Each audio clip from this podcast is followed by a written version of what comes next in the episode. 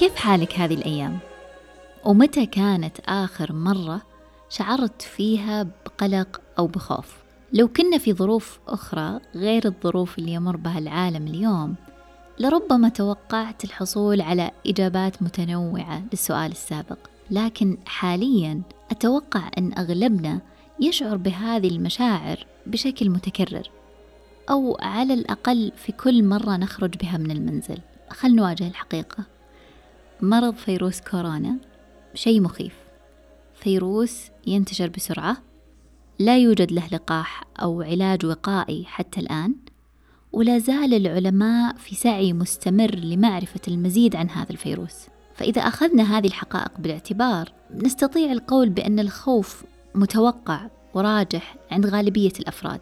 لكن ظاهرة الهلع أو القلق والخوف الشديد اللي ظهرت خلال الأشهر الماضية ما تتناسب مع حجم مخاطر الفيروس اللي نعرفها اليوم.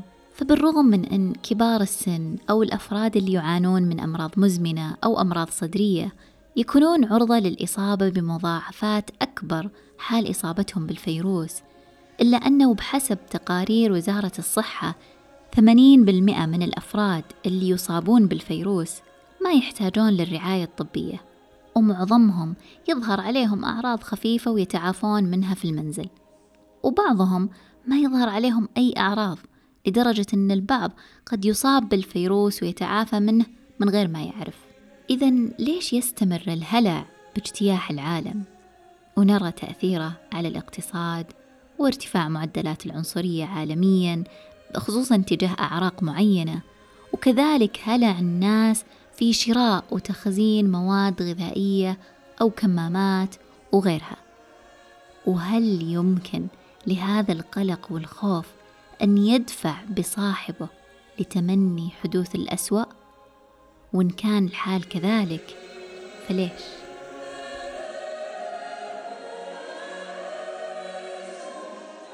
مرحبا. أنا فيد دوخي وهذه الحلقة الثالثة من بودكاست مجرد فضول. في كل حلقة راح نطرح تساؤل ونحاول نفهمه أو نجاوب عليه. لا تنسى تترك لنا رأيك بتقييم أو بتعليق. وإذا استمتعت بهذه الحلقة شاركها مع أصدقائك أو من تعتقد أنه مهتم بإجابة الأسئلة. أتمنى لك استماع ممتع. بداية ما كان موضوع هذه الحلقة مطروح ضمن مواضيع الحلقات الأولى للبودكاست. لكن بما أن هذا البودكاست مساحة تدعو للتوقف والسماح للفضول بلعب دوره في تأجيج أفكارنا ودفعنا للتأمل والتساؤل كان تكرار تساؤل هذه الحلقة في فترة وجيزة سبب كافي لتغيير الخطة. اللي أثار فضولي تجاه البحث عن الخوف هو تكرار سماعي الجملة يا أخي أتمنى يجيني الفيروس وخلاص أرتاح. وبالرغم من طرحها بعدة طرق وكلمات مختلفة إلا أن المعنى كان واحد. كل هؤلاء الأفراد وصلوا لمرحلة من الصراع مع الخوف والقلق لدرجة أنهم يتمنون حدوث أسوأ ما يمكن أن يحدث. حتى ينتهي هذا الصراع. في ذات الوقت كنت أرى تزايد اهتمام العلماء والباحثين بدراسة ظاهرة ارتفاع معدل حالات الانتحار عالميا ويوميا تنشر العديد من الأوراق العلمية اللي تسعى للتنبؤ بالآثار السلبية لهذه الأزمة على الصحة النفسية بحيث نستطيع نتداركها قدر المستطاع. فمن الصين إلى كوريا والهند وباكستان وأستراليا وأمريكا تكررت حالات الانتحار سواء لأفراد مصابين بالفيروس أو آخرين مخالطين أو حتى مجرد أفراد تفشى الفيروس في بلادهم. وهذا كان يجعل الفضولي يلح أكثر على التساؤل. كيف يمكن للخوف من الموت أن يدفعك للموت؟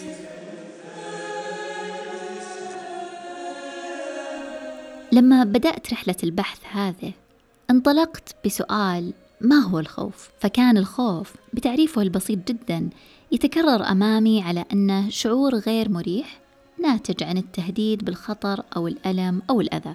لكن التعريف البسيط هذا ما يوضح دور الإدراك في صناعة مفاهيمنا عن الخوف واللي ممكن يفسر وجود اختلافات شخصية كبيرة في تعامل الأفراد مع الخوف أو مسبباته.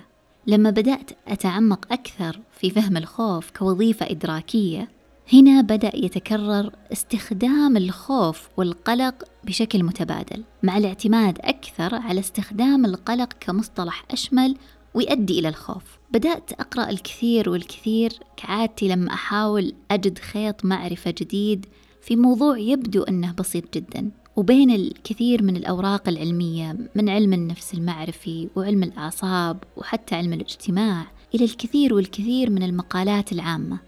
كنت أرى ثيمة واحدة تتكرر تقريبا في كل مقال أو بحث وهي أن القلق والخوف يزداد سوءا عند شعورنا بفقدان السيطرة على الوضع الراهن وخصوصا مع وجود عدم وضوح لما هو قادم.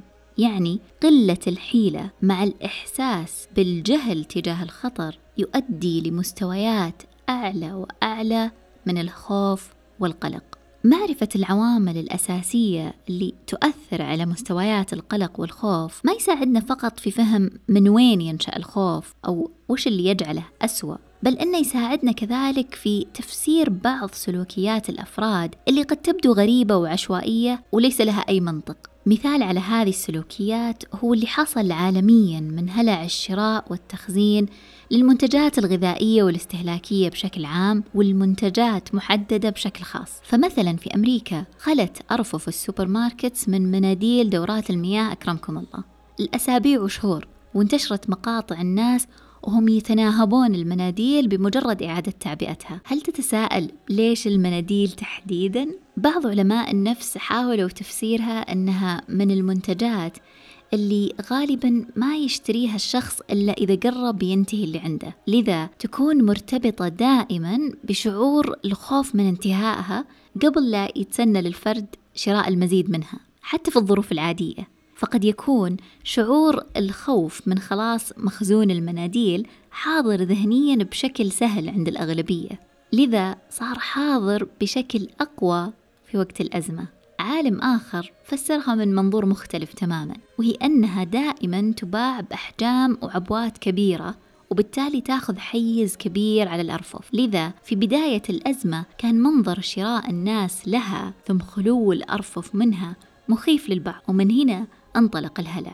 لكن المثال ما يقتصر على المناديل في أمريكا فحتى عندنا تنقل الهلع بين خلو المحلات من البيض إلى انقطاع الدجاج وغيرها. وكذلك في اليابان وأستراليا. كل بلد كان له حظه من المنتجات اللي فجأة أصبحت هي هم الناس الأول. التفسير الأرجح لكل هذه المظاهر والسلوكيات يرجع للعوامل الأساسية اللي ذكرنا أنها تزيد الخوف والقلق لدينا. وهنا نتحدث تحديدا عن العامل الأول منها وهو الشعور بفقدان السيطرة على ما يحدث في العالم. ويكون رد الفعل هو أن أغلب الأفراد يلجؤون للشراء أو تخزين المواد الاستهلاكية حتى يشعرهم أنهم استعادوا السيطرة على جزء من الأزمة ويعطيهم وهم القوة أو التحكم. وهذا ينعكس على تخفيف القلق والخوف من خلال تخفيف أحد العوامل اللي تزيده سوء. يعني بالرغم من عدم معرفتنا الكافية بالفيروس أو عدم مقدرتنا بالسيطرة على انتشاره إلى حد ما إلا أن رجعتنا للبيت بعد طلعة تسوق وإحنا لاقين المنتج اللي غيرنا خايف ما يلقاه سواء كان بيض ولا دجاج ولا مناديل يشعرنا على الأقل بانتصار ولو بسيط ممكن يخفف خوفنا هذاك اليوم. أما العامل الثاني واللي كان الجهل أو عدم المعرفة الكافية بالشيء اللي يهدد أماننا كان محور اهتمام دراسة أجريت في الصين. في هذه الدراسة قاموا بمقارنة ثلاث مجموعات من الناس. المجموعة الأولى كانت عبارة عن ممارسين صحيين يعملون مع المصابين أو المشتبه إصابتهم بمرض فيروس كورونا بشكل مباشر. المجموعة الثانية كانت لممارسين صحيين ما يعملون مع المصابين أبدا، والمجموعة الثالثة كانت لعامة الناس من غير الممارسين الصحيين. وكان الهدف هو معرفة مستويات القلق والخوف اللي تعيشه هذه المجموعات إيش تتوقع كانت النتائج؟ المتوقع مجموعة الممارسين الصحيين اللي يعملون مع المصابين بشكل مباشر ويوميا راح يكونون أكثر المجموعات قلق وخوف كونهم قريبين جدا من مصدر الخطر ويواجهون الخطر اللي يخافونه بشكل متكرر وبالتالي احتمالية إصابتهم راح تكون أكبر صح؟ النتائج ما كانت كذا. المفاجأة أن مجموعة الممارسين اللي ما يعملون مع المصابين ومجموعة عموم الناس كانوا أكثر قلق وخوف من المجموعة القريبة من المصابين. وكان تفسير الباحثين لها هو أن الخوف من المجهول أو الشعور بعدم امتلاك المعرفة الكافية عن الشيء اللي يهدد أمان الفرد يجعل الخوف أسوأ بكثير. فهنا المعرفة وألفة الشيء المخيف صارت كأنها معقم ضد الخوف منه. وهنا كان ملفت للانتباه عدم وجود أي فرق يذكر في مستوى القلق بين الممارسين اللي ما يعملون مع المصابين وبين عامة الناس. فحتى الممارسين الصحيين ما ساعدتهم معرفتهم العلمية أو الطبية بتخفيف شعورهم بالخوف. فكلنا حول العالم نتعرض لرسائل إعلامية يومية تشعرنا بأن ما حد يعرف أو يفهم الفيروس بشكل كامل. وهذا مثل ما ذكرنا عامل أساسي في تأجيج قلقنا وبالتالي خوفنا من الشيء اللي نجهله.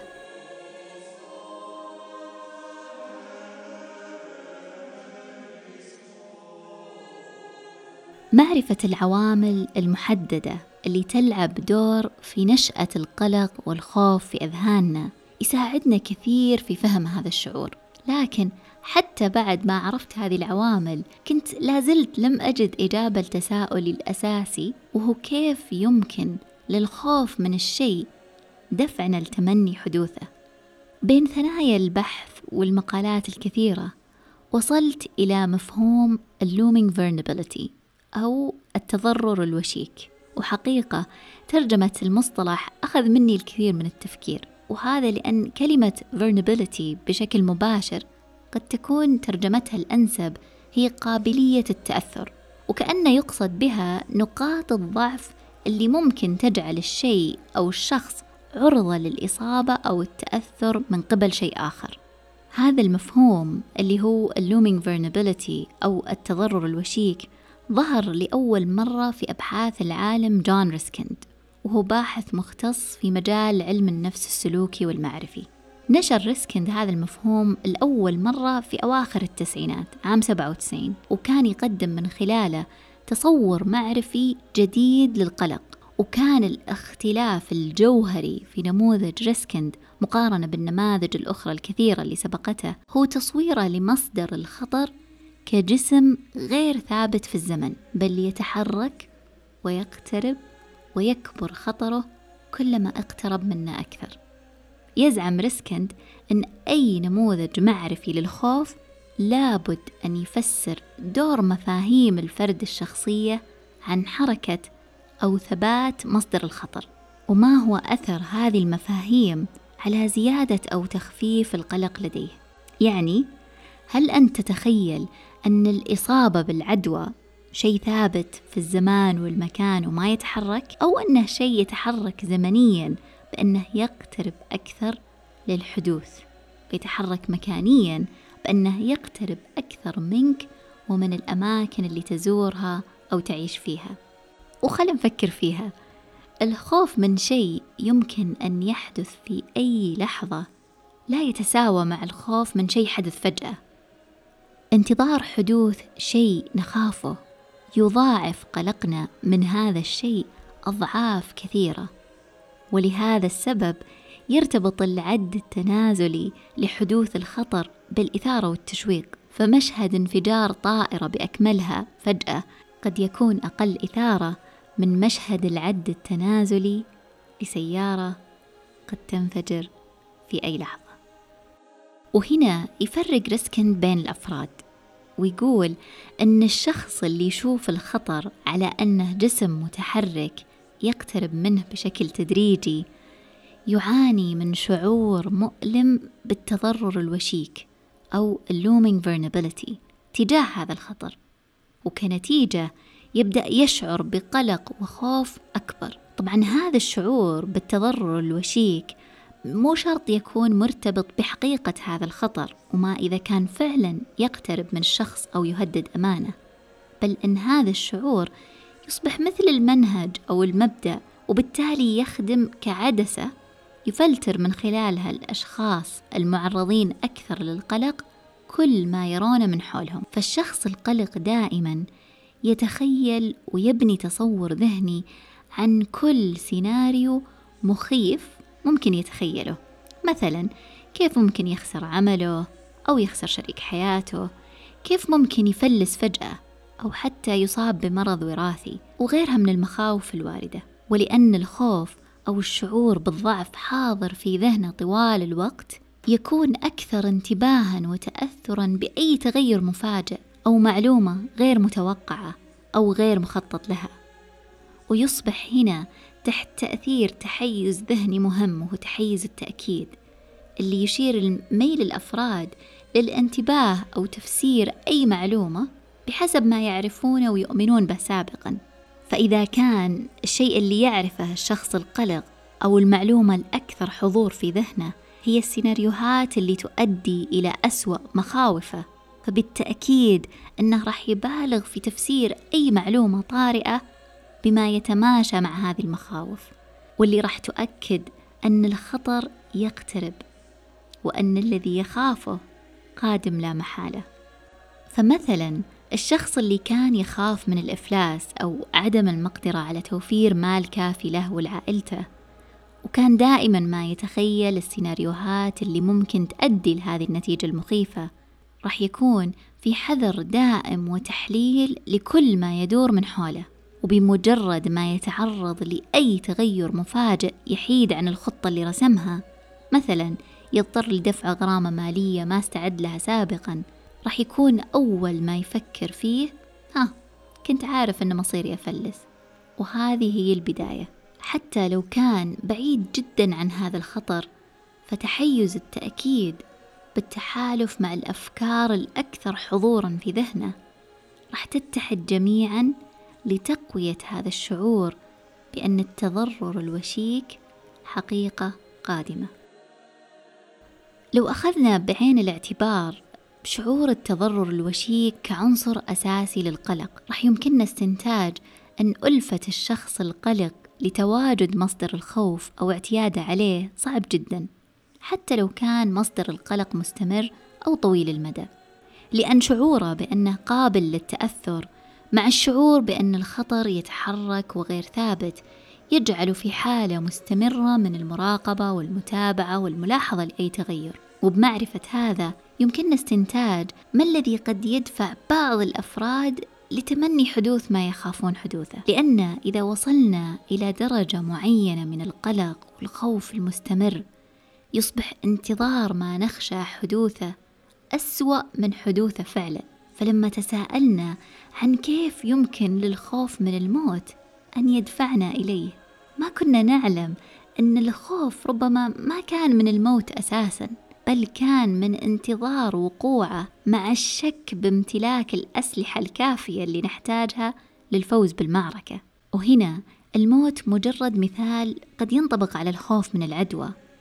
لكنه في سياق القلق والخوف ممكن أن يكون اختبار ننتظره. أو عرض نقدمه أو مرض متوارث بالعائلة أو إفلاس أو خسارة مالية أو حتى انفصال أو ذهاب علاقات اجتماعية أو أي شيء نخشى حدوثه.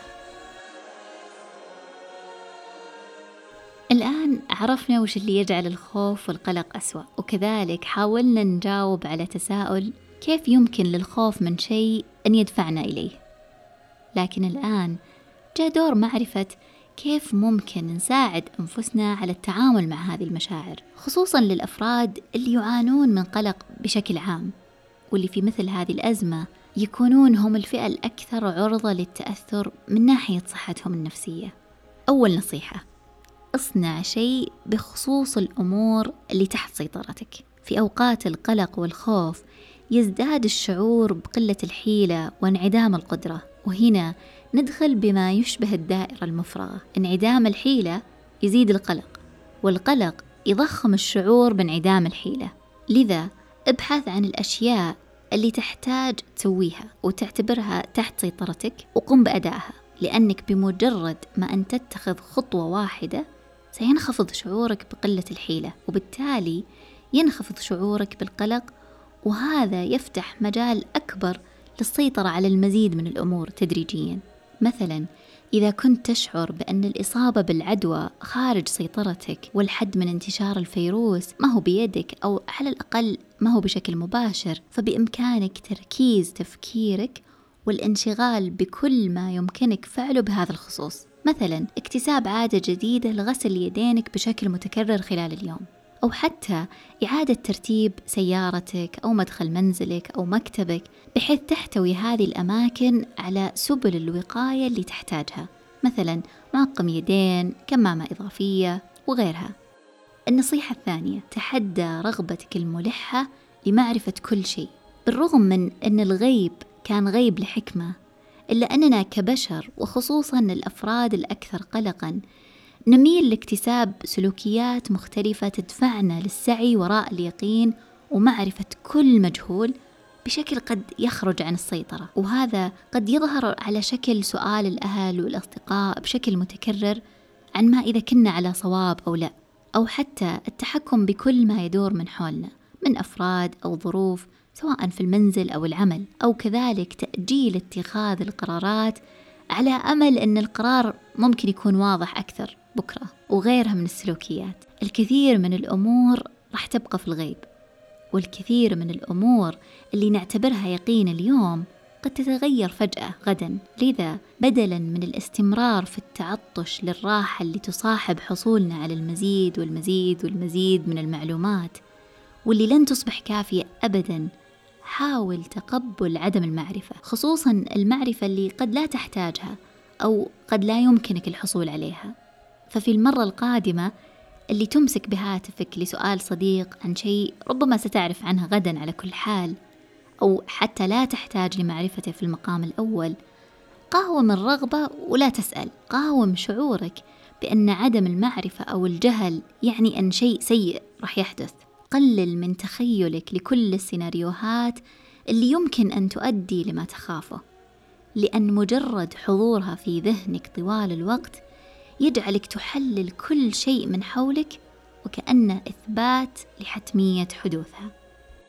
النصيحة الثالثة والأخيرة واللي ما تقل أهمية اعرف العوامل والظروف البيئية اللي تساعد في تخفيف قلقك. ممكن تكون ممارسة الرياضة لنص ساعة. الكثير من الأفراد اللي يعانون من القلق يجدون تحسن في صحتهم النفسية من خلال الحرص على الركض يومياً.